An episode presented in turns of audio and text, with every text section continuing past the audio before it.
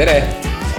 ühest küljest väga edukas, meil on neljakümnes saade, see on nagu kuidagimoodi juubel. teisest küljest mitte edukas, eelmine nädal oli kõige esimene ja seni ainus. esimene vist ongi nagu ainus, eks ju, kui järgmist kohe otsa ei tule. esimene nädal, kui meil jäi saade vahele. alates siis sellest hetkest, kui me nelikümmend üks nädalat tagasi seda projekti alustasime just, et vahepeal meil oli natukene suvine eh, kõikuv hooaeg, aga jah, planeeritust siis eelmine nädal jäi saade ära ja seetõttu, et, et Mattias Eerik, räägin endast kolmandas isikus, jäi haigeks. jah, mis sind siis äh, maha murdis? murdis maha, alguses oli, esmaspäeval lõi mul välja palavik. võtame väga detailselt ette, et nagu põhjendada ära, miks saade, et äh, olin palavikus äh, tuli selline tatine olek, kurk oli valus, ühesõnaga paha oli olla ja siis ma lihtsalt tundsin, et, et minust ei saanud, minust ei olnud asja. Nädala äh, umbes kesk, no ütleme jah, teise pooleni välja ikkagi ma olin üsna, taastusin. küll aga eelmine nädal äh, mul olid pilet, pilet ammu ostetud, ma käisin ühel kontserdil tegelikult, kui ma olin natukene haige ma käisin äh, vaatamas sellist bändi nagu August Burns Red. see toimus Tallinnas. ma pole sellest bändist kunagi kuulnud, ma nägin Instagramis pilti, mis sa sellest olid postitanud ja mõtlesin, et hmm, huvitav, mis bänd see selline on. ja, jah, et äh, tegu on äh, minu ühe äh, sellise, kui, kui mina oma bändi tegemist ja muusika tegemist vaatan, siis üks mõjutajatest aastast võib-olla kaks tuhat üheksa alates. ja rääkisin ka nädalavahetusel, käisin enda emal külas ja ütlesin, et käisin sihukest bändi vaatamas ja siis ema ütles, et tema küll kunagi ei tea, et ma sihukest bändi kuulaks siis ma põhimõtte pärast läksin enda tuppa, võtsin sealt vana voodi alt selle kasti välja, kus mul olid CD-plaadid on sees ja ladusin kolm August Burns Redi plaati lauale, ütlesin, et kas ikka veel ei usu, et ma kuulasin seda bändi kunagi, siis ta oli, et okei okay,, okei okay, nagu, et point proven. kas sa kuulasid klappidega enamasti, et nagu ema ei kuulnud seda samal ajal? tema jaoks oli see ühtne müra, sest tegu on siukse metalcore bändiga, et seda juba nimi ütleb ka, et sihuke tavaliselt sellised vähemalt kolmesõnalised ja, ja, ja. jäävad sinna, jäävad sinna kahe tuhandendate keskele. just, äh, just, aga ei, tegu on praegu maailmas ühe enim hinnatud sellise metalcore, tehnilise metalcore bändiga, et. äh, kas tänapäeval veel hindab keegi metalcore bände maailmas? ma peale nende inimese, kes hindasid seda kümme aastat tagasi. just, ei, võib-olla asi selles, et nemad on järjepidevad ja selles mõttes, kui sa vaatad nende kataloogi, siis see on nagu ka tehnilises mõttes muusika on kasvanud muudkui aina paremaks ja need pole nagu ära kadunud eh, pildilt see nii-öelda. on mu isiklik kogemus nagu sellise muusikaga, mis, mis nagu läheb sinna metalcore'i piiridele, oli natuke selline, et. et äh, mul oli äh, minu MP3-e kogus oli neid omajagu palju Mhm. ja, ja siis, kui ma nagu natukene olen proovinud seda kogumikku sorteerida. Nagu selle järgi, et mul oli mingil hetkel idee, et oh, et kuulan mingeid vanu MP3-sid läbi ja siis nagu. Need, mis nagu üldse ei kliki enam või millega ei ole isegi mingit sihukest väga nostalgilist mälestust, et need kas kustutan ära või panen kuskile kõvakettale, kuhu ma need ilmselt ka igaveseks unustan, seni kuni see kõvakettas ära sureb ühel hetkel mm. -hmm. aga siis äh, just viimati mäletan, et selline bänd nagu Thirty Six Crazy Fists mm. -hmm. mis mulle kunagi palju meeldis ja ma seda palju kuulasin ja hakkasin uuesti kuulama, mõtlesin, et nagu enam ei leidnud see on ikka nagu mingi täiesti teine ajastu, et nagu noh, et ma nagu saan aru, et võib-olla mõned lood on head, aga. aga nagu mul ei ole küll sellist tunnet, et, et vot seda nüüd uuesti kuulaks või ka, ka homme oleks nagu teade, et vot, et Thirty Six Crazy Fists. teeme nagu eriti lihtsaks, et oo, et tuleb, annab Tartus kontserdi näiteks Ken klubis. ja, ja pilet maksab kümme eurot, siis ma mõtleks, et neh, et nagu, et enam ei tõmbaks, et Okei. okay., et ükskõik, et ma ei nimeta seda nagu, ma ei, ma ei taha öelda, et see on nüüd nagu sihuke ilmtingimata või kuidagi oo, et see on nüüd nagu hea asi, et. et, et ma ei nimetaks seda isegi, et ma olen sellest nagu välja kasvanud, sest see viitaks nagu sellele, et see on kuidagi iseenesest hea, aga. aga kuidagi nagu see muusika on nagu mööda läinud, et teisest küljest samas, et kui ma võtan ette näiteks samast ajastust Tuuli, mida ma kuulasin, siis äh, Tuuliga on küll, ma ootan Siiani ikka siiani siiani juba viimased viisteist aastat või mis see on, ootan nende, nende uut albumit Äh, kusjuures äh, hmm, Tuuli kohta selline uudis, et nad vist äh, varsti taas lasevad välja oma mingisuguse eelmise albumi vinüülil või midagi sellist, et see jäi uudises, et. et Tuul, Tuul reliisib muusikat, aga lihtsalt re-reliisib muusikat, et aga, aga jaa, selles mõttes, et nende kontserditel käimistega on ka niimoodi, et ma ise samamoodi olen äh, mitte samamoodi, ma ei võrdle ennast nüüd sinuga, aga ma tunnen, et ma olen suuresti sellest välja kasvanud, et ma väga harva enam lähen käima, kui ma loen, et oo, mingi bänd tuleb Eestisse või nii. aga kui, kui sul on võimalus noh, ikkagi oma kodumaal näha mingit sellist bändi, mida sa kunagi nagu väga palju kuulasid. siis ikka kipun kasutama seda võimalust, et noh, jah, eks see nii ole, samas noh, ma ütlen, et, et, et mm, kuidas siis öelda kui näiteks täiesti teisest muusikažanrist keegi, näiteks Sting tuleb varsti Eestisse, eks ole, et noh, et.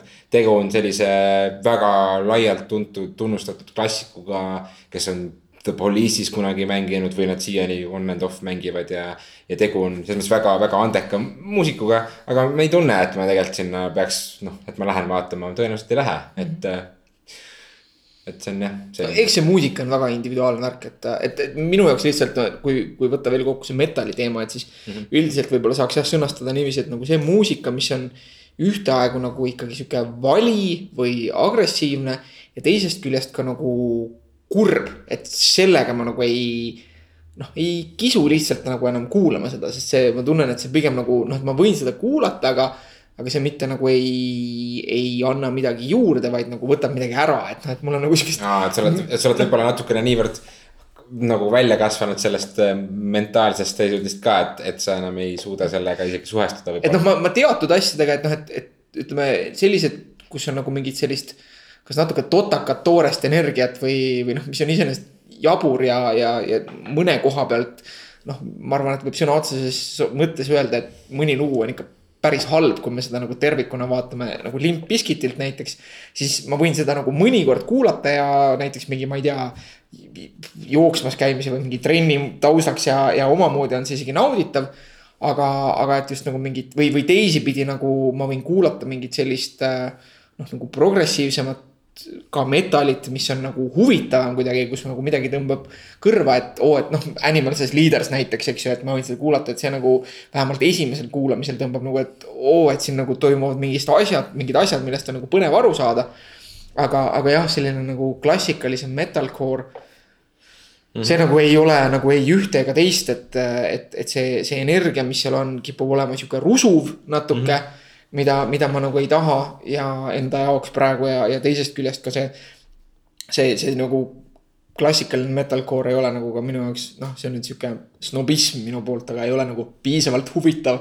Äh, ei, see on, see on kusjuures läbi kõikide aastate, mis ma olen ise bändi teinud ja olen metalcore'i kuulanud. siis see termin metalcore üldsegi on alati olnud selline paagrepellent kõigele, et kõik mingi sihuke asi aga huvitav on ka see, ma olen tähele pannud, et ma olen tihtipeale olnud üksinda metalcore'i kuulamisega ka. et mitte nagu kõlada kurvalt ja haledalt, aga nagu paljudele see ei olegi meeldinud ja ma olen sellest aru saanud, et see on väga okei okay, ega.... kas sa kuulasid metalcore'i enne, kui see oli lahe jah, jah, vaevalt küll, aga jah Võt... ei noh, mingi hetk see oli ikka ju nagu kõrgajastu, et noh, Tartu vaata kõik see Burn Still ja mis need bändid olid meil siin. Stem, Stem ja, ja just. just jah, aga nüüd, nüüd sai kuidagi väga muusikakeskne see sissejuhatus ja algus.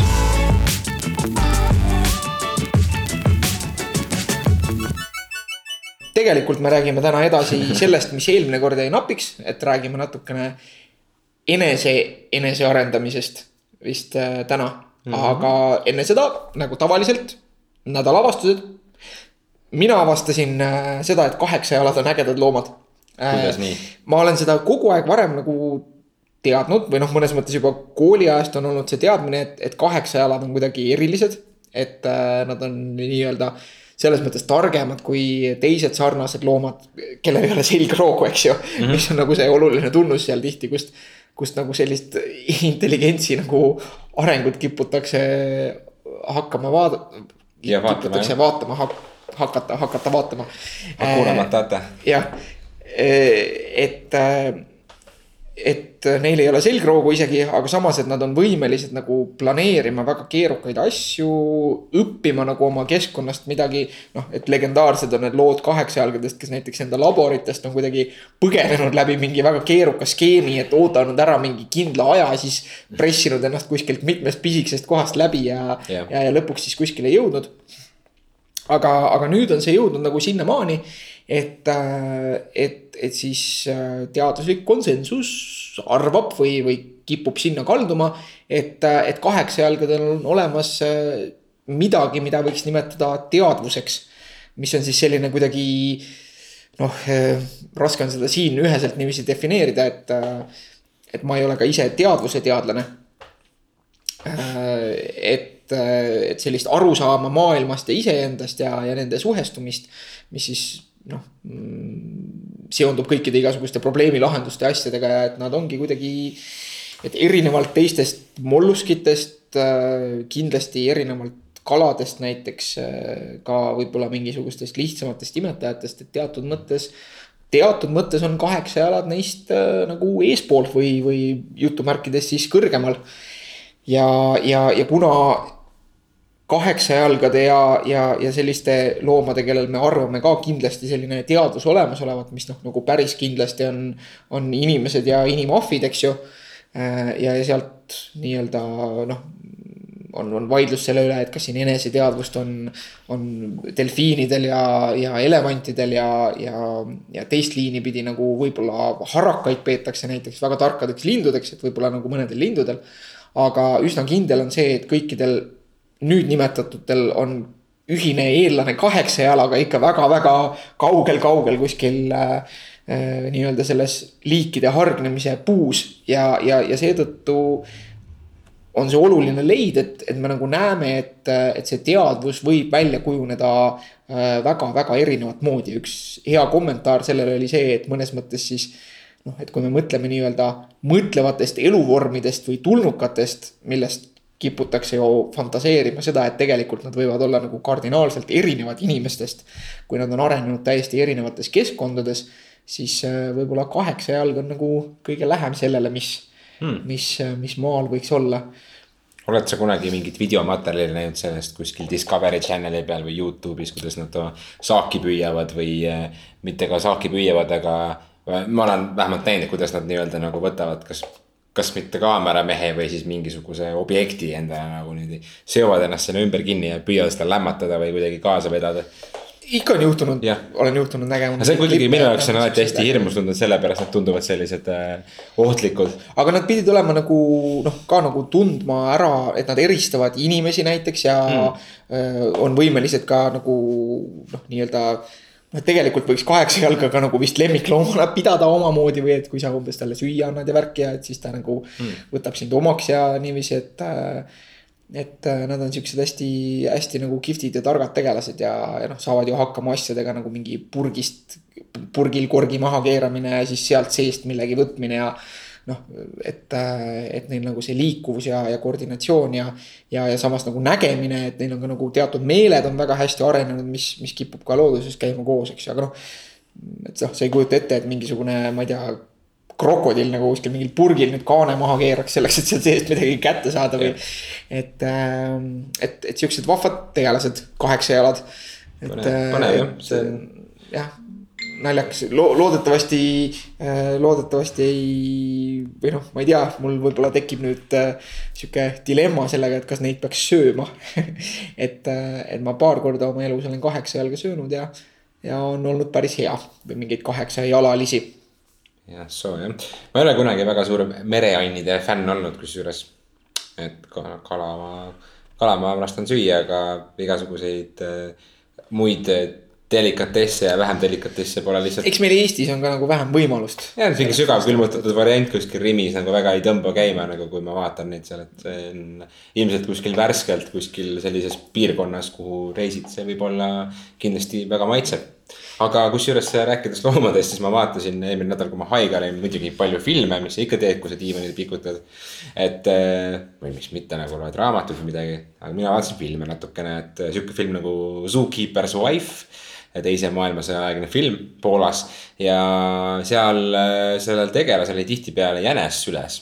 Sellel naisel seal filmis nagu, ta armastas väga loomi ja, ja siis ma panin nagu seda tähele, et see jänes oli nagu väga hästi ka ära kodustatud, nagu võib-olla mõni võiks ühe kaheksajala ära kodustada.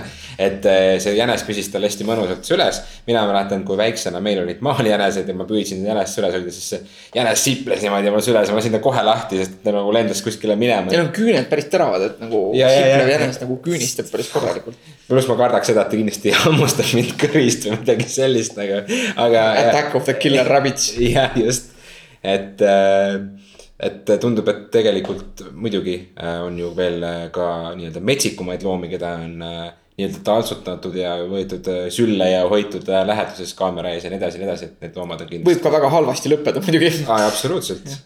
et, et kaheksajalad, siuksed pisemad sorti, et nemad ikka vist väga noh, et, et kaheksajalg üldiselt või need kaheksajalalised inimestele nagu ohtlikud ei ole. kui me just ei arvesta neid legende Krakenitest. ja Release the Kraken, et kui keegi kunagi sihukest asja nagu Wild Boys vaatas, siis seal need Jackassi tüübid käisid tihtipeale metsikus looduses nendel metsikute loomadega jändamas. ja siis seal oli mingi selline reklaam, mis nad kunagi tegid, et nad ronisid kuskile puu või mingisugusele oksale, kus siis lõvi tuli sinna alla või tiiger või ma ei mäleta midagi sellist.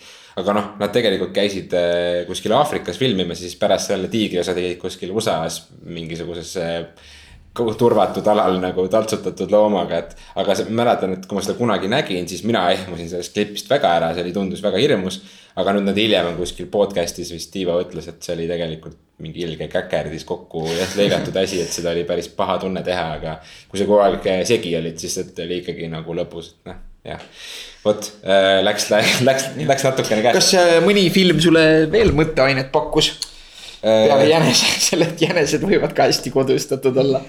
kuule, mitte väga, et äh, ma ei leidnud ah,, tegelikult ühe filmi ma leidsin küll, see on Telia kodukino, mitte kodukino vist, või jah, filmiriiul nii-öelda, mis on tasuta filmid.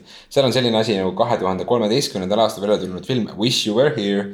Äh, ja see räägib siis ühest Austraalia grupist, üks mees ja naine, selle naise õde ja tema meesterahvas siis nii-öelda läksid kuskile Kambodžasse vist lõbureisile. ja siis nad tulevad kolmekesi tagasi, see teine mees nagu kaob selle reisi käigus ära, nad öösel on seal kõva pidu ja siis pärast see film analüüsib seda või noh, mitte seda analüüsib, vaid ta näitab seda olukorra lahendamise kulgu, et, et kuidas nad äh, püüavad selle nii-öelda Interpoliga seda asja ajada ja.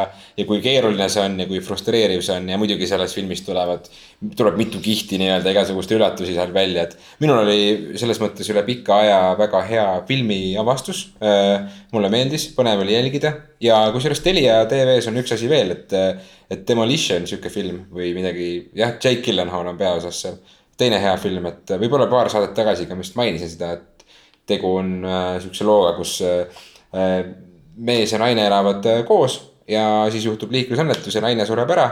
ja mees kaotab nii-öelda sellise emotsionaalsuse või, või, või sihukese piiritunde näidata välja mingisugust emotsiooni, mis ei ole siiras. ja siis ta pärast selle naise surma ei tunne väga mingit kaotusvalu, aga ka ei tunne enam kodus ennast hästi ja hakkab hoopis tegema väga selliseid äärmuslikke asju. et ka selline võib-olla natukene võib-olla psühholoogilise taustaga või psühholoogilistest mõjutustest lähtuv film, mis võib-olla avaneb inimestes teinekord, kes saavad mingisuguse trauma. väikse siukse mitteteadusavastusena, mina ei teadnud varem midagi sellisest asjast nagu Ready Player One. kas sina tead, mis asi on Ready Player One? kas see on äh, üks selline raamat, mis tuli paar aastat tagasi välja? täpselt nii ja see nüüd on... Äh, Steven Spielberg teeb sellest filmi, filmi., mis tuleb välja järgmise aasta märtsis ja. ja see tundub täpselt sihuke asi, mida mina võiks tahta meelelahutuseks äh, vaadata no,. me oleme vist sihtgrupp ka. aga ma mõtlesin, et, äh, et peaks seda ikka lugema ka, nii et ma ei oska selle raamatu kohta öelda minu jaoks oli avastus see, et selline raamat on olemas, enne ma sellest midagi ei teadnud, tõenäoliselt tellin endale, kui. kusjuures ma just siis... Äh, seesama nädal, kui ma olin haige, ma sain selle asjast ka teada, teadma, et. ma juba lootsin, et ma sain selle raamatu, et siis ma oleks saanud kohe öelda, et come on, laena mulle. aga, aga tellime Amazonist või, või kust iganes me midagi tellime, et. et, äh, et selline vahva nagu äh, ulmekas küberteema ja sihuke äh, mõnus homaaž kas eesti keeles on huvitav sõna homaaž olemas või see on lihtsalt äh, rõve anglitsism. Äh, ühesõnaga selline austusavaldus siis äh, Willy Wonka ja šokolaadivabriku loole. ühest küljest ja teisest küljest kõikidele kaheksakümnendate ja varajaste üheksakümnendate sellistele popkultuuri ikoonidele.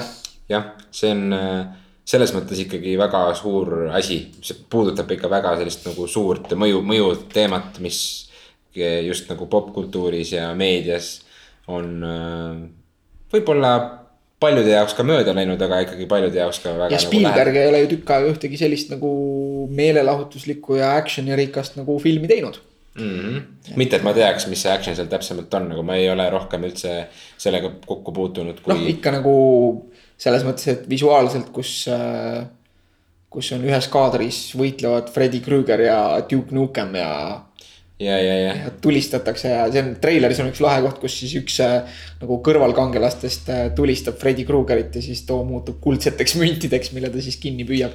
ma tean, et seal filmi, see film on nii-öelda easter egg'e või üllatusi täis, et seal on mingid massistseenid, kus on sild, mis on autosid täis ja siis sa näed ühes kohas A-tiimi bussi. ja siis, kui mingisugune politseiauto käib üle katuse mitu korda, kui sa õigel kohal seal treileri paned pausi, siis on seal seesama kood, mis sul siin särgi selja peal on. jah, QR kood. QR kood, et kui sa selle skännid, siis sa saad eh, nii-öelda osaks sellest eh, tiimist nii-öelda sihuke veebileht on tehtud, et sihuke no mingit fännidele sihukest nagu palju. Eh, see on kõik, noh, see on kõik internetis juba väljas, aga ühesõnaga jah, plaanin, plaanin lugeda. ja minagi, vot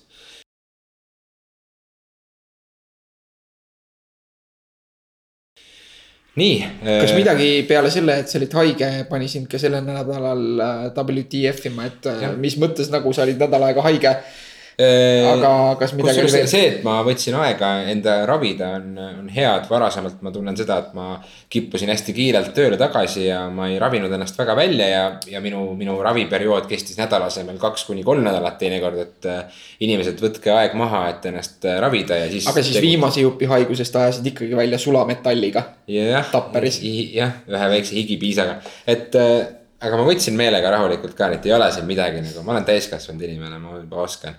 aga äh, jah äh,, täna Facebookis brausides nägin sellist asja nagu your pop-up äh, meal. mis on ühesõnaga mingisugune jook, mille sisse on ära peidetud terve sinu vajalik eine, eks ole, muidugi ma teades, tundes sind, siis ma kohe saatsin selle sulle edasi, et sul äh, karvad turjal püsti ajada ja, ja ilmselt sa oled palju räigemaid asju internetis näinud kui selline reklaam. aga ma tahtsingi korra sinu käest küsida, kui, kui võib-olla toitumisalase rohkem teadliku spetsialisti käest, et kas sellised asjad nagu Soylent ja see on nüüd siis selline vedelik, mida sa väidetavalt võid vist isegi aasta aega järjest kogu aeg tarbida ja sa elad ära sellest või midagi sellist. Et kas sellised nähtused nagu vedelik, mida sa jood söögi asemel on reaalselt siis nagu mingisugune teema või miks need reklaamid nagu rohkem levivad ja on erinevates, viimasel ajal eriti ma tean, et mingi teine süsteem pakub veel, et liitu nüüd ja siis sa saad esimesed kolm nädalat nagu meie kulul tasuta umbes neid jooke ja asju ja. ma tean, et mul tutvusringkonnas on paar inimest, kes on selle, sellega isegi nagu like inud ja nagu tundub, et neile pakub see huvi, et mind see nagu väga ei kutsu, et mulle väga meeldib süüa ja mulle meeldib steiki süüa ja mulle meeldib aedvilju süüa ja ma tahan neid nagu tunda, et ma, kui ma praen muna, et miks ma pean mingit vedelikku jooma ja kuidas see üldse maitseb ja, ja nii edasi ja nii edasi, et nii palju küsimusi tekib, et miks ma pean nagu sihukese mõnusa tegevuse nagu söömise ära lõpetama, vot. ja tegelikult ei peagi, tegelikult on ikkagi noh, üks põhjuseid, äh, noh, ma tean seda, et selliseid vedelaid toidukordi juba tükk aega nagu üritatakse luua ja mm, -hmm. ja see Your Pop-Up Meal on iseenesest Eesti ettevõtmine. nii palju, kui ma. sealt reklaamist nägid jah? jah, sealt, sealt aru sain, et mingisugune Eesti OÜ nagu tegeleb selle selle nagu turustamisega. aga tegelikult on juba pikalt äh, Räniorus üritatud ka luua mingit sellist, et programmeerijad ei peaks aega raiskama sellele, et toitu osta. rohkem robotiks plays nagu. jah, täpselt, toitu osta ja tellida vaid ja, ja tarbida vaid, et saaks seal arvuti taga enda selle lonksu sisse tõmmata ja võib-olla üks kapslike peale ja läheb jälle. et aga tegelikult äh, enamike inimeste jaoks see niiviisi ei tööta, sest nagu see keskkond, kus me oleme ikkagi arenenud, see ei eh, noh. me ei, me ei saa süüa ainult niiviisi, et tilguti on veenis ja, ja, ja nagu jah, mingi aeg saab seda teha, aga nii-öelda nagu terve inimene juba noh, meie jaoks on mõeldud, et see söömine ja seedimine, et see ikkagi hakkab ka sellest, et me tegeleme toiduga mm. -hmm. et äh, noh, ideaalne oleks ka see, et ma ikkagi ise valmistan enda toitu ja, ja ma arvan, et see enesearenduse juures see toitumise reguleerimine, võib-olla ma arvan, et selles saates me selleni ei jõua, aga toitumisest me räägime kindlasti järgmises, hiljemalt ülejärgmises saates. et kuidas seda ikkagi korraldada, sest see on ka meie mõlema jaoks nagu ikka ja jälle sihuke üleskerkiv teema, et, et kuidas seda reguleerida ja, ja kuida-, just selles faasis, kuhu elu on praegu jõudnud. et, et sellised toidukorra asendajad. Noh, on palju inimesi, kes võib-olla mingil eluperioodil äh, võiks asendada enda jaoks ükskõik, kas siis aja kokkuhoiu või, või kuidagi nagu lihtsuse põhimõttel äh, Äh, näiteks ühe toidu korra päevas mingisuguse siukse vedela toiduga, ütleme siis niiviisi. et, et see, kas see on nüüd see mis iganes bränd -hmm,. noh, mhm. see ei ole sugugi niivõrd tähtis, pigem on tähtis ikkagi vaadata seda, et. Mis iganes selle pudeli sees on, et kuidas see siis sobitub sinu ülejäänud nii-öelda. noh, ma vihkan seda sõna tervislik toitumine, aga või noh, seda väljendit, aga kuidas see sobitub su siis üldisesse toitumispilti, ütleme siis nii ja, ja sest, sest kui lihtsalt ainult nagu sellist vedelat asja tarbida, siis noh, tsiteerides äh, Mouse'i The Matrixist, it doesn't have everything what the body needs mm. -hmm. et, et tegelikult nagu sellest, et pudeli peal on kirjas, et siin on kõik, mida sa vajad. ja isegi kui see pudeli sisu nagu üritab pakkuda seda mida, mida võib-olla tõesti keha vajab, siis, siis tegelikult ta ei paku selle toiduga nagu tegelemise kogemust. just. seda ei paku ta päris kindlasti. sellises võib-olla nooremas eas sellise asjaga kokku puutud, siis ma kujutan ette, et söömine üldsegi arendab seda lõua võib-olla tegevust ja suu üldse arengut ka, et nagu väga peendusteni mitte välja minna, aga noh, tegelikult see on närimine kui selline ja, ja tegelikult ka toidu valmistamine üleüldse, see on niisugune eluks vajalik fundamentaalne ja. tegevus, et äh, mõistad, mõistad sellest, mis käib söögi sisse.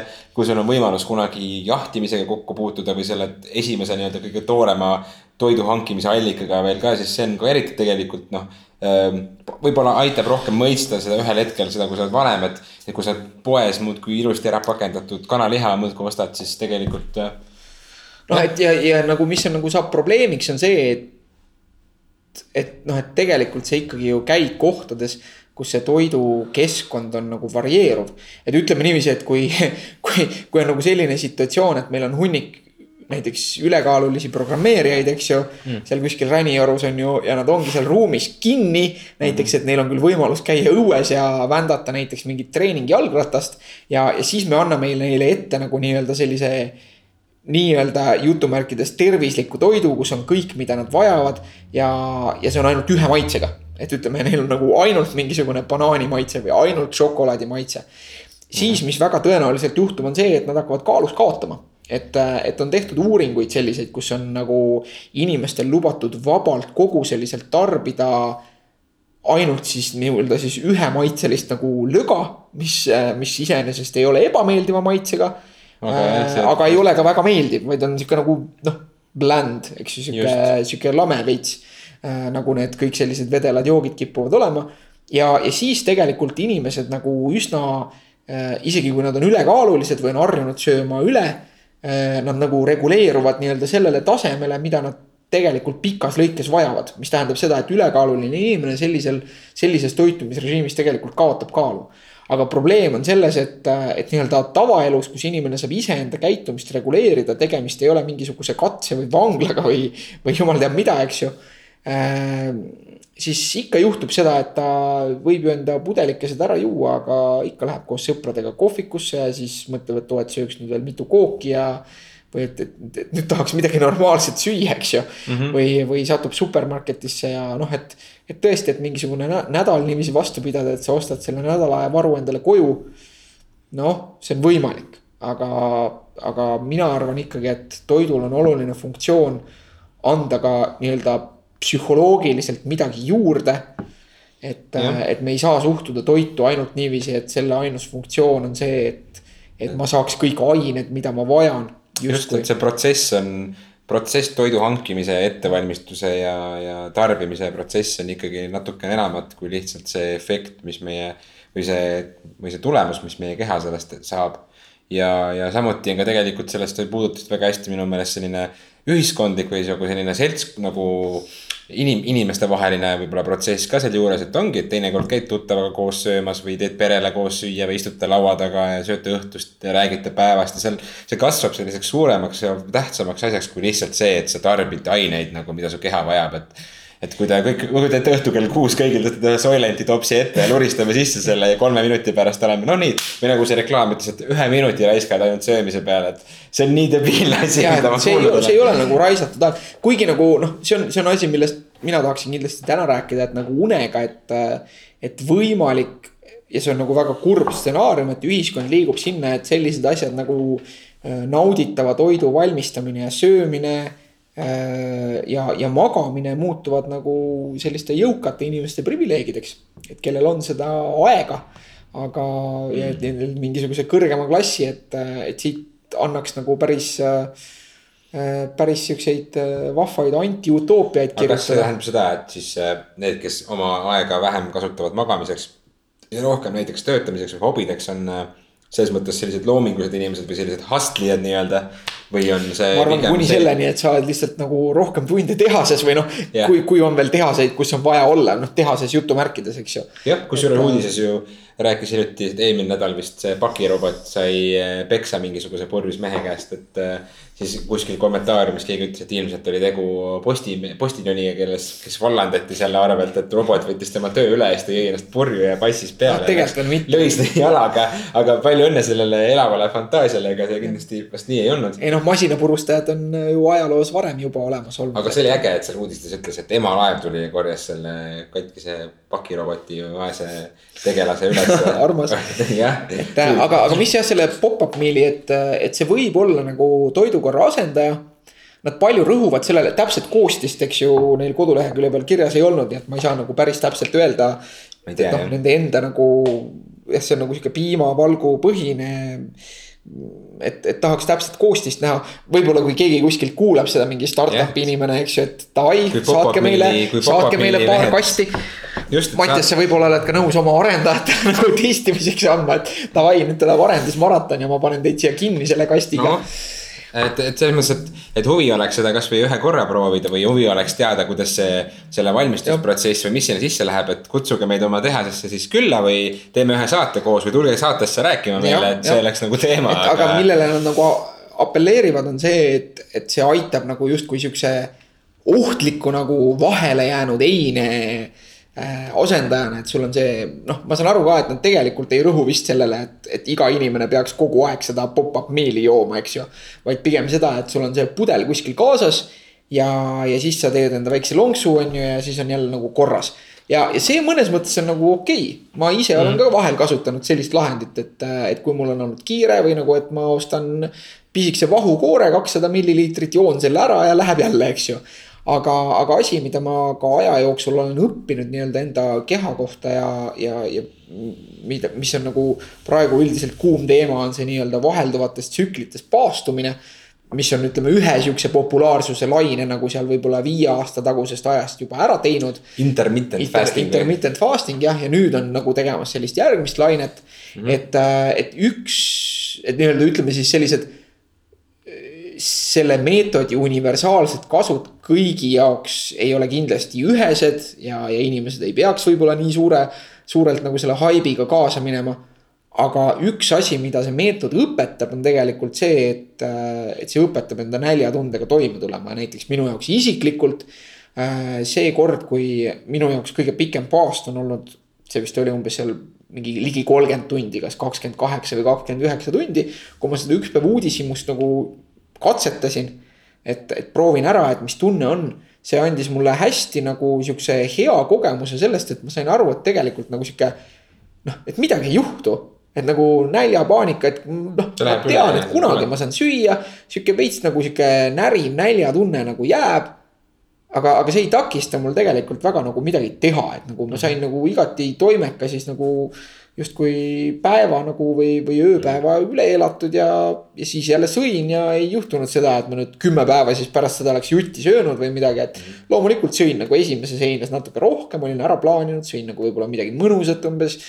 täpselt ei mäleta, aga mm, -hmm. aga et see kogemus sellest, et tegelikult nagu noh, et tegelikult see vahele jäänud heine ei ole nagu mingisugune katastroof loomulikult on erandeid, näiteks inimestel, kellel on olnud söömishäire, on väga oluline nagu see, et nad mingil perioodil nagu sellest häirest paranemise ajal nagu nui neljaks säilitavad seda toitumise regulaarsust, et muidu see nagu suurendab jälle riski sellesse häiresse tagasi langeda mm.. aga, aga, aga enamike inimeste jaoks tegelikult ei ole see noh, nad saavad õppida, et see vahele jäänud heine ei ole katastroof. ja sa ei pea kaasa minema selle nagu nii-öelda ennast täide saatva ennustusega, et appi, et mul jäi heine vahele.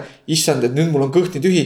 oi no nüüd ma käin küll nagu appi, kõht on nii tühi, nüüd ma käin kindlasti Macist läbi ja võtan seal mingi kaks-kolm heinet ja siis söön need ära ja siis lähen koju ja söön, noh. et see ei pea niiviisi olema, et tegelikult on nagu keskmisel tervel inimesel palju strateegiaid, kuidas, kuidas ennast sellisest nagu stsenaariumist hoida. tihtipeale on ka niimoodi, vähemalt mina ise tunnen, et kui mul on äh, muudes eluvaldkondades ka kõik nii hästi, et mul on selline meelerahu siis ma üldiselt otsin ka vähem tuge söögist, et mul ei ole seda tunnet vaja, et ma söön midagi, et ma saan sealt mingit.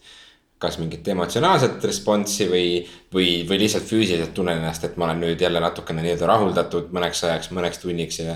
paari tunni pärast tahaks jälle midagi hullult snäkkida, et ma tunneks jälle seda tunnet, et mul on kogu aeg nagu üheksakümne protsendi ja saja protsendi vahel see toitunud söögi level, et.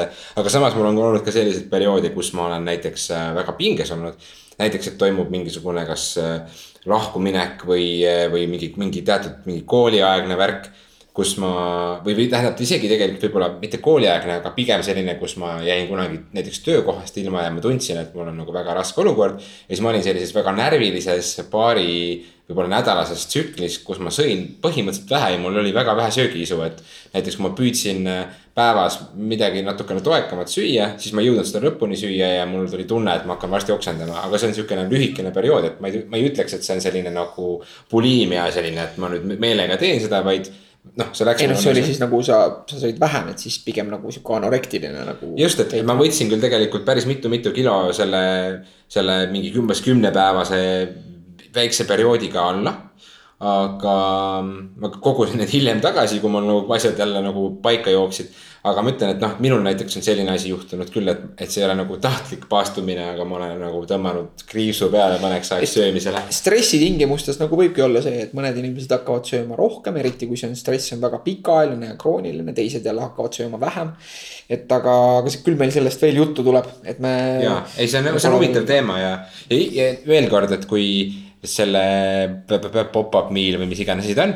et kui sellega seonduvad inimesed seda saadet kuidagi kuulevad, kellegi sõber jagab, siis võtke meiega ühendust, me tahaksime rohkem teada eh, ja, ja olete alati oodatud eh, külla, vot ah enne kui ma tulistan enda WTF-i sissejuhatusest unus eh, tänada mitut kuulajat, kes andsid tagasisidet selle kohta, et eelmisel saatel oli paigast ära pisut jutu valjususe ja, ja vahekõllide valjususe balanss. väga suur aitäh, et te meile sellist tagasisidet annate. et ainult siis me saame nendest asjadest teada ja, ja saame paremaks teha, et seoses Mattiase haigusega tulid väiksed apsakad sisse, proovime edaspidi olla paremad. just, et äh, eks see ise, ise nii-öelda produktsioon, produtseerimise oskus ka muudkui kasvab ja mõnikord ikka juhtuvad apsakad, aga, aga. ja, ja muidugi, kui on äh, mõni inimene, kes äh, tahaks näiteks tehnilise toena yeah., leiab, et tal on mingeid oskuseid või piisavalt motivatsiooni, et me teeme sellist ägedat asja ja tahaks äh, kuidagimoodi kaasa lüüa, siis kirjutage meile meie Gmaili. just. motteaine at gmail.com. ja, ja kui on olemas näiteks näiteks mõni disainer, kes tahab näiteks kujundust teha või logo, aidata meil mingisugust nii-öelda seda välimust poolt ka arendada edasi see on väga teretulnud, samuti mm, igasugused fotograafid, kes võib-olla, kes aitavad. et ühesõnaga. ühesõnaga rohkem presence'it online'is võib-olla tuua. et kui keegi leiab, et me teeme ägedat asja ja tahaks siin miskit moodi kaasa lüüa, siis andke meile teada ja räägime sellest. aga minu WTF oli see, et ma nägin, et äh, Hannes Võrno koos mingisuguse naisega, kelle nime ma olen unustanud äh,. teevad koolitust, loengut, see naine oli nagu lingam massaaži koolitaja, kas sulle ütleb äh, termin lingam massaaž midagi? tead, ma olen äh, seda veebilehte näinud, sest et see on juhtumisi Voo platvormile ehitatud. ainult seekaudu ma tean, mis asi see on, jah. siis sa ei saa sellest rääkida või? saan ikka. et, et minu jaoks mul minu nädala, mis mõttes nagu oli see, et. Et kui sihuke asi on nagu tehtud, siis järelikult on sellel nagu mingisugune klientuur.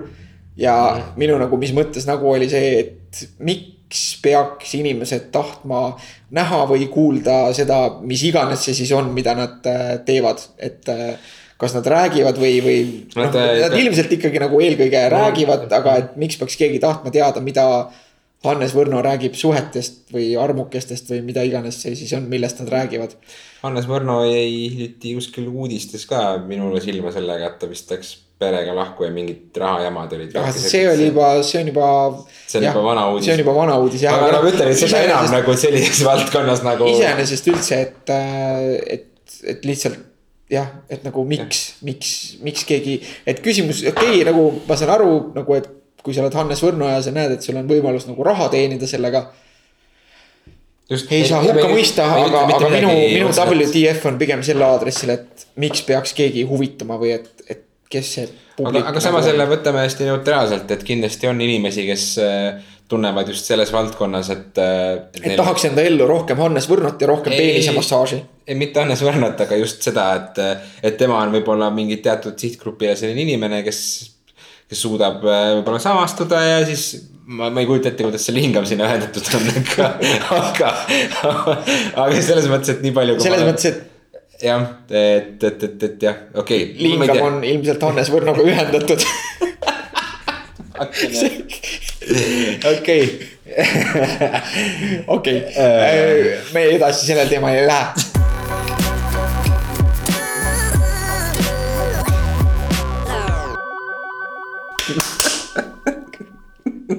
MMA minutid oh.. tuleb vist rääkida jälle Conorist ja Mayweatherist, jälle tuleb lähemale paari, paari sõnaga jah. paar, palju meil nüüd jäänud on, kaks nädalat. oluline uudis sellega seoses, et kui kedagi tõepoolest huvitab, siis see sajandi poksimatš, millest juba ka Eesti meedias kirjutatakse kui sajandi poksimatšist. et äh, Viaplay, tasuline teenus, võimaldab seda Eestis vaadata. Mis tegelikult teeb Eesti vaataja jaoks selle ürituse odavamaks kui, kui näiteks Ühendriikides, kus selle eest tuleb välja käia ei vähem ega rohkem kui ükssada dollarit aga kuidas see siis Viaplay Eestis toimub, et kas, kui mina kui mingi Telia klient saan seda ka kuidagi aktiveerida? ma ausalt öeldes äh, ei tea, et, et kui te äh, guugeldate. Viaplay esindajad, tulge külla ja rääkige, kuidas seda saab vaadata. et äh, sisestage neti.ee otsingumootorisse Viaplay ja MacGregor ja tegelikult oli sellest üks, üks artikkel, mida ma ei tahaks panna saatelinkidesse, sest see on nagu otseselt sihuke ühe kindla firma reklaam, aga pigem ma tahtsin anda meie kuulajatele info edasi, et. et kes otsib, see leiab ja tegelikult on Eestis täiesti võimalus legaalselt seda matši vaadata uh. Mis on nagu hea kommentaar olnud Ühendriikide vaatamise suhtes on see, et mulle meeldis nagu see, et põhimõtteliselt arvestades seda hinda, mis on ükssada dollarit. siis mm -hmm. pole võimalust, et see matš ei ole pettumus et nagu, et, et ükskõik kui hea see matš ka on, siis see ei saa olla väärt nagu sadat dollarit. sest nagu nii-öelda mingit sellist, seal on küll välja kuulutatud, eks ju, need poksimatšid, mis toimuvad nii-öelda allkaardil. aga noh, nagu enamike inimeste jaoks need ei paku tõsist huvi ja, ja see ja, klassikaline poks ei saa pakkuda ka väga sellise keskmise vaataja jaoks sellist vaatemängu või isegi keskmise MMA fänni jaoks sellist vaatemängu, mis tekitaks tunde, et see on seda väärt. ja, ja need inimesed, kes kambaga seda kuskil vaatavad, siis tõenäoliselt nad neid esimesi matše seal ei panegi tähele, sest sel ajal vaieldakse ja tarbitakse mingeid joovastavaid jooke võib-olla. ilmselt jah ja, õlle vahutab kõvasti. sest üsna öösel toimub ju see. ja, kas sa tead umbes, mis kellaaeg see on, kas see on nagu sihuke standard mingi kell viis algab? Las Vegas Las Vegas aeg, siis see on ikkagi umbes meil siin hommikul viie paiku tavaliselt see main event algab, et. või noh, main event, isegi main event, vaid UFC-l on see nii-öelda main card algab kell viis, sest et ütled kella seitse paiku. neli hakkab vist tavaliselt. neli-viis. seal ühesõnaga, et, et vastu, vastu hommikut. vastu hommikut. aga ma olen üsna kindel, et on eestlasi, kes seda kavatsevad laivis Ai, vaadata. ma arvan, et mina vaatan seda laivis nagu. ja, ja suur, eks ju, siin on olnud palju jah, jauru sellel teemal, aga, aga sellesse me siin, sellega me enda tavakuulajat ei koorma, las see jääb MMA mõtteainesse, mille me siis peale matši võib-olla teeme. jah, ja ma tahan MMA minutites veel südamelt ära saada. enamik kuulajatest ilmselt ei tea, aga on olemas selline MMA legend äh,. küll mitte selline väga tuntud legend, aga nagu Javier Vasquez kes oli selline kergema kaalu võitleja seal äh, varajastel kahe tuhandendatel. Äh, minu jaoks ta on oluline selle tõttu, et oma esmase ja baasmaadluse õppisin ma ühelt tema piraaditult äh,. häbisin mulle õppevideolt äh, kuskil umbes sealsamas aastal kaks tuhat viis, kuus äh,. see oli väga hea õppevideo äh,. hästi sümpaatne tüüp ja miks ma temast nüüd räägin, on see, et äh, ta on oma tervisega hädas ja ta võitleb hetkel vähiga äh, ja kasvajaga ja ta on, äh, kuna ta on nii-öelda enese tööandja, tal on oma Brasiilia jujitsu kool, eks ju, ja haigusega võideldes ei saa ta loomulikult anda nii palju trenne ja seminare, et äh, raha teenida, siis on avatud GoFundMe nagu see projekt, kus siis kõik saavad annetada tema ravi ja tervise toeks äh,. väga sümpaatne tüüp, mul ei ole kunagi olnud võimalust temaga isiklikult kohtuda, aga ma tahan, et äh, noh, see on küll asi, mida ma kunagi tahaks teha. ja selline MMA portaal nagu Sherdog teeb ka vahetult enne äh, McGregor Mayweather matši kahekümne nelja tunnise interneti raadiomaratoni siis Haavi toetuseks et Aha. Äh, viskame selle GoFundMe lingi saate märkmetesse. kes tunneb lihtsalt, et tal on hetkel äh, üks vaba euro, viis vaba eurot, me teame sellistest projektidest, et äh, iga annetus omab tähendust tegelikult, sest lõppkokkuvõttes paljust piskust saab palju ja, ja siis minge, minge klikake ja, ja minge visake natukene raha ja aitate inimest, kellel seda tõesti on vaja loomulikult võib vaielda siin, et mm -hmm. meil on siin Eestis erinevaid heategevusi ja asju Just. ja, ja kuhu võib ka anda, loomulikult.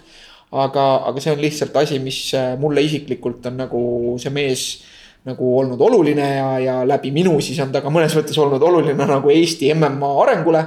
et äh, kes tunneb, et, et on sellise heategevussoone peal, siis minge ja aidake tuleme siis äh, ringiga tagasi, jätkame meie möödunud saates alustatud äh, suurt teemat. mis, äh, mis siis räägib enesearengust, arendamisest, eneseteadlikkusest, enese aitamisest. et..., enese nagu paremaks muutmisest, kõigest sellest. Minu jaoks jäi eelmisest korrast õhku nagu see küsimus, et et noh, et, et, et mida sina ütleksid näiteks, noh, et me mõlemad oleme nagu siuksed, me huvitume nagu sihukestest life hack idest ja kuidas olla parem isa, parem mm -hmm. inimene, parem sportlane, kuidas eh, korraldada enda tervist paremaks, nagu paremaks, paremaks, kõik sellised mhm. asjad, et need on nagu meile olulised, et see on mõnes mõttes üks asi, mida me ilmselt nagu jagame. aga miks, miks, Mattias, miks, miks sa seda teed? ma arvan, et see on selline äh kuidas siis eesti keeles öelda, et äh, see on selline accomplishment või selline teatud määral nagu sihuke saavutatud tunne, et äh, mina väga sellist äh, võib-olla väiksed väravad, mis ma nagu vahepeal elus löön nii-öelda piltlikult. näiteks kui ma olen käinud jooksmas, ma jooksen mingi teatud distantsi läbi või, või ma teen bändiga mingisuguse loo valmis või video valmis või teen tööl mingisuguse saavutuse, mida ma olen kaua aega sihtinud või käin äh, tüdruksõbraga näiteks kuskil reisil, mida me oleme kaua mõelnud, et tahaks käia, nii edasi ja nii edasi, mis iganes meil kõigil need elus on, sellised erinevad väiksed pisisaavutused. või lähen, ma ei tea, isaga näiteks kalale, ma tahaks väga minna kuskile Norra lähistele näiteks. et, et noh, sellised väikesed äh, eesmärgid elus, mis sul on kuskil kuklas tiksunud võib-olla aastaid isegi. võib-olla, võib-olla vähem, et, et äh, miks, miks neid asju teha see ongi selleks, et enesedistsipliini kasvatada, et aidata nagu paremini struktureerida, organiseerida enda igapäevast elu. väga lihtne on äh, vajuda sellisesse turvatsooni, mis on, äh, baseerub sellisel äh, võib-olla mugavusel ja, ja, ja igapäeva kiire elurütmil, et meil kõigil on kindlasti väga kiire, palju kohustusi. võib-olla on lapsed, kes vajavad lasteaeda viimist, trenni viimist võib-olla on mingid muud kohustused pärast oma päevatööd, et tulla ots otsaga toime, mõnel puhul ma ei tea. et, et alati on neid asju, mis, mis, mis vajavad tegemist ja mis võtavad meie aja, eks ole aga kui sa tegeled sellise enesearendamisega ja treenid enda sellist mentaalset seisu, füüsilist seisu, eh, oma suhteid, siis ma arvan, et see kõik on selline vundament, mis aitab, eh, toetab kõiki neid muid tegevusi, mis muidu oleksid võib-olla koormavad ja palju raskemad, et eh, see, kuidas sa tunned ennast ise, see toit, mis sa enda kehasse paned või või see, et sa jälgid enda und kas või, või, või need väiksed, väiksed asjad nagu need mõjutavad väga palju et, et need aitavad no,. ma mängin siin nagu natuke siin seda saatana advokaati, et noh, aga ära sureme ikka. jah, tõsi, aga see ongi see, et, et sa elad ühe korra, et kas sa tõesti tahad, et proovi nagu sina, sina ise oled võib-olla oma õnne sepp ja selles mõttes selline ähm, noh, kvaliteedi vastutaja nii-öelda selles tehases, et. et miks mitte proovida õnnelikku ja head ja kerget elu, kus sa tunned ennast füüsiliselt hästi ja mentaalselt hästi kui see, et sa oled füüsiliselt käest ära, sa oled mentaalselt käest ära, sa tunned, et sa oled kõrvale heidetud või keegi sind ei taha või ei armasta. või sul ei ole midagi maailmale pakkuda, nii edasi, nii edasi, et äh, kasvõi mõtteaine alustamine minu jaoks on selline üks saavutusi, mis nagu väga, on väga oluline ja ja, ja, ja mida on kaua mõeldud ja planeeritud, et oo, kunagi võiks oma podcast'i proovida või taskuhäälingut ja, ja see, et meil nüüd selline rütm on, et meil juba praegu neljakümnes osa on noh, see on ikka tegelikult päris vinge ja ma ainult ootan, et muudkui edasi kapata sellel äh, rajal, et. minu jaoks on see väga suur deal, vot ja, ja sellised pisikesed enesedistsipliini ja, ja enesearendamise äh, harjutused, need viivad järgmine päev ka reipama sammuga edasi, ma arvan mm. -hmm. et noh, et see ongi sihuke, et, et ühest küljest on see vist võib-olla ikkagi selline. noh, et teatud mõttes on nagu paljud asjad aga natuke sihuke paabulinnu saba või et ma ikkagi ja. nagu näitan, et. et ma suudan, et ma teen mingeid mm -hmm. asju sellepärast, et ma suudan. aga, aga noh, muidugi selles mõttes võiks ka proovida lihtsalt, ma ei tea, palju pappi kokku ajada ja osta endale hästi ilus ja, ja läikiv auto või midagi, et. jah, ja seda teeb, seda võiks ka teha ju, noh, et ma selles mõttes, kui ma seal Seven Blaze'i saates käisin, siis oligi see, et et oo, Mattias Eerik on äh, sihuke sotsiaalmeedia järgi võib-olla kirglik isa, kes tegeleb lastega ja siis mul on bänd ja siis mul on podcast ja siis mul on selline töökoht ja sellised hobid ja nii edasi. et see, see väga lihtne on nagu vaadata endale peale ja mõelda, et oo, et kuidas ma nii palju jõuan või teen, et mul on sõber, kes käib ainult tööl ja siis ütleb, et on väsinud. aga asi ei olegi selles, et minu jaoks nagu minu sõber teeks vähem kui mina ma lihtsalt ise isiklikult ei saa nagu väga paigal püsida, mul ei ole seda sisemist rahu. enne kui ma täidan ära mingisugused vajadused, et näiteks täna ka ma tunnen, et ma tegin üle pika aja väga tiheda tööpäeva. pärast seda ma käisin kodus söömas, siis ma läksin bändiga photoshoot'ile, nüüd ma olen siin ja, ja, ja see on minu tänane esmaspäev. ja ma tunnen lõpuks, et okei okay,, nüüd ma koju lähen, nüüd ma puhkan ja lähen magama ära, eks ole, et et äh, teinekord on hea produktiivne olla, see annab nagu sellist motivatsiooni või energiat ja positiivset energiat juurde homseks. Äh, võib-olla motiveerib ka sõpru ja lähedasi enda ümber, et tekitada selline ühine asjalik äh, kommuun. ma vaatan kõrvalt, mida sa telefonis brausid mingisuguseid me meeste mingeid fännipäkke, see on väga lahe. hea kõrvaltegevus, et jah, vot, mis ma siin nüüd pikalt monoloogi pean. see on sihuke aga, aga see teisest küljest ongi, et, et väljastpoolt, noh, meil on mõlemal ka ikkagi sihuke suhteliselt aktiivne sotsiaalmeedia elu, et mm.. et, et väljastpoolt on tõesti näha, et näed, et oled seda ja teist, et aga noh, praegu sa nimetasid ka, et su päev oli tihedalt täis, eks ju. aga, aga see tuleb samas nagu jällegi mingite asjade arvelt, et noh, et täna sa ilmselt lastega väga palju aega ei veetnud, eks ju. et, et, et see on teinekord raske. see on, see vajab sellist äh, väga kindla kindla nagu sellist planeerimist või sellist äh, aja jagamist inimeste vahel, kes ka siis jagavad laste eest vastutamist ja nii edasi, et. et äh, samas äh, viimase seitsme päeva jooksul, neljal päeval ma olen väga aktiivselt lastega tegelenud, et ma ei saa öelda, et ma tunneksin, et ma ei ole nendega piisavalt tegelenud, et muidugi eks alati nendega võiks iga päev aina rohkem ja rohkem asju teha, et lapsed on fantastilised väiksed olevused, aga aga ma tean ka seda, et äh, see päev on kohe varsti jälle käes, kus ma selle võimaluse saan ja senikaua, kuni mul on oma aeg, täidan ma selle oma hobidega ja oma, oma, mis iganes mul seda leeki katus hoiab, et. ja, ja miks mitte ka kodus pikutada, Youtube'ist videosid vaadata, seda mulle meeldib ka väga teha, et ma ei salga üldse seda, et ma olen teinekord selline mugav diivani inimene, kes sööb mingisugust nänni võib-olla ja vaatab mingisugust jaburust kuskilt internetist, et eks kõigel on oma tasakaal, ma arvan mu enda jaoks viimasel ajal on ikkagi noh, et kujunevad välja mingisugused väärtused või mis asjad on sulle olulised, eks ju. Äh, noh, et me räägime näiteks, et su lähedased on ju pere, mis on, mis on tähtis. ja noh, need on ilmselt asjad, mis, mis tõesti nagu saavad oluliseks nagu läbi terve elu või alates juba siis sellest, et kuidas, kuidas noh, minu vanemad minusse on suhtunud ja ja kuskilt sealt on see kõik, äh, kõik alguse saanud mm. -hmm. ja, ja noh, loomulikult, mis on nagu pereväärtuste asi, on see, eks ju, et enda kõige lähedasemad inimesed on mõnes mõttes selline nagu vahetu võimalus tunda, et sa oled kuidagi oluline, eks ju, et yeah.. Äh, et, et kui sa just tõesti ei ole nagu noh, kuskil laboris ja ei töötagi välja päriselt nagu mingit äh, umbes vähiravimit või, või, või puhta energiaallikat, eks ju et siis, äh, siis võib olla raske nagu sellise enda nii-öelda suure olulise või enda, enda kui osa sellest, tükk sellest olulisest suurest puslest. et, et on raske enda elule nagu sellist tähendust anda, et kindlasti nagu pere on üks selline, selline võimalus, et sa justkui oledki nagu mingite enda jaoks tähtsate või meeldivate inimeste jaoks. Et, äh, et see, see väärtus nagu tuleb kuidagi sealt ja eks see tuleb võib-olla ka sellise elukogemuse ja eaga just, et suur noh, võib-olla lapsevanemaks saamine ja pere loomine ja. ja paljud muud asjad ka, mis paralleelselt selle tegevusega käivad, annavad selle, selle tunde.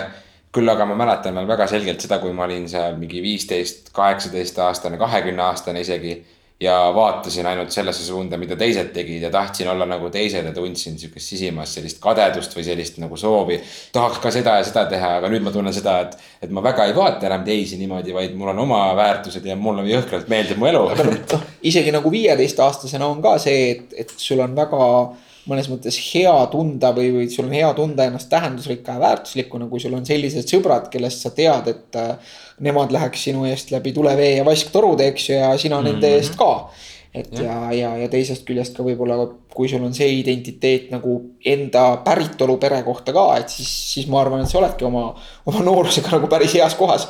et äh, mis on nagu traagika, on see, eks ju, et jällegi noh, see on asi, millest me oleme varem rääkinud, et kõik asjad võtavad aega ja tähelepanu, eks ju et, et inimene ei, ei, ei saa lõputult asju teha, et alustades juba näiteks sellest, et väga raske on olla mitmes erinevas valdkonnas näiteks maailma parim, eks ju, et, et, et naljalt ikka seda tüüpi ei leia, kes on nagu noh. just ja see, milleks, mida ta teeb selleks, et sinna kohta püüda jõuda selle nimel ta ohverdab väga palju neid asju, mis meil nii-öelda lihtsatel ja tavalistel inimestel on, et me saame õhtul perega aega viita ja nii edasi. aga ma tahtsin jõuda välja natukene teise kohta, et, et kui meil on jällegi nagu neid asju palju, eks ju, et siis kipub ka see fookus, fookus hajuma ja, ja, ja tegelikult nagu jõudes siis nagu enda siukse nii-öelda justkui taas kätte võetud enesearenguni, et tegelikult ei ole minuga midagi see, et et oo, et ma nüüd olen nii sportlik ja tervislik ja elan nüüd nagu nii kuidagi lihtsat ja täiuslikku ja isekulgevat elu, et tegelikult on, on täpselt samamoodi, noh, minul on oma raskuseid ja, ja, ja, ja maadlemist ja probleeme selle, selle oma tähelepanu ja aja jaotamisega kõikide nende asjade vahel, mida ma teha tahan. ja, ja, ja minu sihuke viimane selge avastus oli ikkagi see, et nagu tagasi baasasjade juurde, et, et, et esimene asi, mis tuleb teha korda, on uni. ja, ja kui, ja see on asi, mille kohta viimasel ajal on jälle artikleid tulnud, see, et kuidas tegelikult äh, nii-öelda ekraaniseadmed und häirivad. ja, ja seal oli selgelt see, et, et ühest küljest nagu laste kõrvalt äh, ei saa nagu väga süvenenult mingisugust ekraani keskendumist teha, eks ju, et okei okay,, et sa võtad telefoni korraks taskust välja ja, ja vaatad mingeid teavitusi, aga, aga midagi süsteemselt teha on väga raske. ja siis minu jaoks tihti oligi nagu see, et ma õhtul nagu tarbisin mingit meelelahutust äh, telefonist või arvutist. et, äh, et see tuli une arvelt ja, ja see on täpselt sihuke asi, millega sa saad hakkama, millega sa kohaned. Ja, ja raske on tähele panna seda tegelikult, et su nagu aja jooksul su nagu meeleolu halveneb ja, ja ühest küljest nagu sihuke ärrituvus on suurem ja. ja, ja kui ma proovisin noh, olen hakanud tegema enda und uuesti korda selles mõttes, et nii palju kui võimalik ikkagi minema magama kohe, kui ma tunnen, et ma olen väsinud. Äh, ja, ja väga oluline nagu muutus minu jaoks oli see, et, et ma ei võta enam ühtegi ekraani voodisse kaasa et, et see oli ikkagi ühest küljest nagu praktilise poole pealt, et kui see ekraan ikkagi nagu on seal kohe voodi kõrval, siis on kiusatus sealt äh, midagi veel vaadata, kasvõi viis minutit. ja, ja., ja et see nagu tegelikult stimuleerib närvisüsteemi ja olgugi, et mul on olnud õnne sellega, et ma olen väga hea magamajääja. siis, äh, siis ma tajun, et mu uni on ikkagi parem, kui ma seda ei tee et äh, asi, mida ma olen endale lubanud, on see, et, äh, et mööndusena, see on iseenesest hea, hea sihuke tehnoloogiline lahendus, et. mul on nii mõnedki paarid äh, Bluetooth klappe ja kui ma näiteks kuulan mõnda väga põnevat podcast'i, siis ma panen telefoni esikuriiulisse ja võtan klapid magamistuppa kaasa mm.. ja siis ma saan nad klappidest sealt tööle lülitada ja, ja panen enne taimeri käima ja. ja, või ja siis panen pausi siis, kui tunnen, et uni peale tuleb või siis jään magama sellega, et et, et saan veel nagu midagi kuulata, mis, mis ei ole nagu nii. ekraani nagu..., ekraani krabada selles mõttes. ja, ja kui ma tahan tarbida nagu mingit infot visuaalselt, siis ma võtan selle, et noh, vähemalt see viimane asi, mida ma enda päevas teen. enne seda, kui ma lähen hambaid pesema ja siis voodisse, et, et see on nagu ainult paberil. et ma kasutan seda aega nende raamatute lugemiseks, mida tegelikult ka nagu millele kippus jääma vähem tähelepanu varem, et mul on kodus nagu noh, ma arvan, et vähemalt äh, noh vähemalt kümme nagu sellist raamatut, millest ma mõtlen, et oh pagan, et tegelikult see on nagu jumala äge ja huvitav raamat ja tahaks selle läbi lugeda. et äh, noh mm -hmm., mingisugune noh, kaheksa-üheksa tükki kindlasti on selliseid raamatuid. ja, ja, ja kuidas noh, ma ei jõua nendega kuskile, kui ma passin oma telefonis või arvutis ja neid raamatuid ei loe, eks ju et, äh, et see lugemine nagu sellise mahedama valgusega on, on, ma arvan, et parem ja ma tunnen, et ma magan selle tõttu paremini.